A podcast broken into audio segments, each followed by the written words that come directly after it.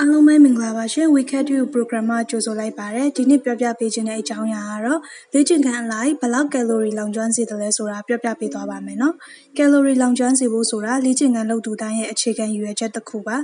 ဒါပေမဲ့ဘယ်လေ့ကျင့်ခန်းအမျိုးအစားကဘယ်လောက်ကယ်လိုရီလောင်ကျွမ်းစေတယ်လဲဆိုတာကိုတော့လေ့ကျင့်ခန်းလုပ်သူတိုင်းအားကစားလုပ်သူတိုင်းတိတိကျကျမသိတတ်ကြသလိုသိဖို့လိုတယ်လို့လည်းတချို့ကမထင်ကြပါဘူးလေ့ကျင့်ခန်းအမျိုးအစားအလိုက်ကယ်လိုရီလောင်ကျွမ်းနိုင်စွမ်းတွေကိုဖော်ပြပေးခြင်းပါတယ်နော် နံပါတ်1ကတော့ ပြေးတာပါခန်းနှစ်နှစ်ပြည့်ရင်တောင်မှ အပြေးလေ့ကျင့်ခန်းက သင်ကိုနိုင်ဝက်ကို206ကယ်လိုရီလောက် လောင်ကျွမ်းအောင် ကူညီပေးနိုင်ပါတယ်။အပြေးလေ့ကျင့်ခန်းဟာ1မိနစ်ကို ပျမ်းမျှ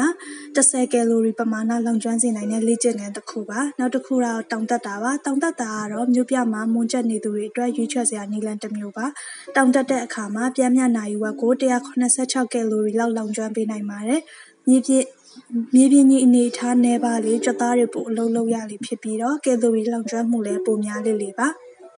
နောက်တစ်ခုကတော့စပိန်စီးတာပါတနာရီကို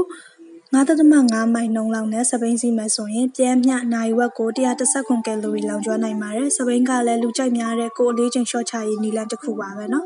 နောက်တစ်ခုကတော့ကျိုးခုံတာပါကျိုးခုံတဲ့လေ့ကျင့်ခန်းကိုငငယ်တုန်းကအတော်များများ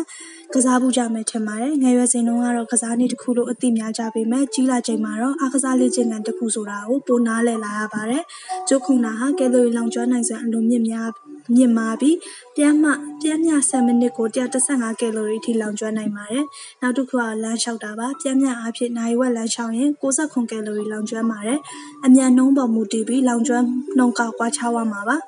လမ်းလျှောက်တာကတော့အရိုးရှင်းဆုံးလေ့ကျင့်ခန်းတစ်မျိုးအဖြစ်လူကြိုက်များလာပါတယ်။နောက်တစ်ခုအလေးမာတာပါ။အလေးမာတာနိုင်ဝက်ကို88ကယ်လိုရီလောင်ကျွမ်းပေးနိုင်ပါတယ်။ဒီလေ့ကျင့်ခန်းကကြွက်သားတွေတောက်တဲ့ကြန့်ခိုင်စေဖို့လည်းအထောက်အကူဖြစ်စေပါတယ်နော်။နောက်ဆုံးတစ်ခုကယောဂပါ။ယောဂလေ့ကျင့်ခန်းဟာကျန်းမာနိုင်ဝက်ကို83ကယ်လိုရီလောင်ကျွမ်းစေတဲ့လေ့ကျင့်ခန်းတစ်မျိုးပါ။ခန္ဓာကိုယ်တွေမှာကစိတ်ပိုင်းဆိုင်ရာကိုပါကျန်းမာစေတဲ့လေ့ကျင့်ခန်းဖြစ်ပါတယ်။ဒီလောက်ဆိုရင်နော်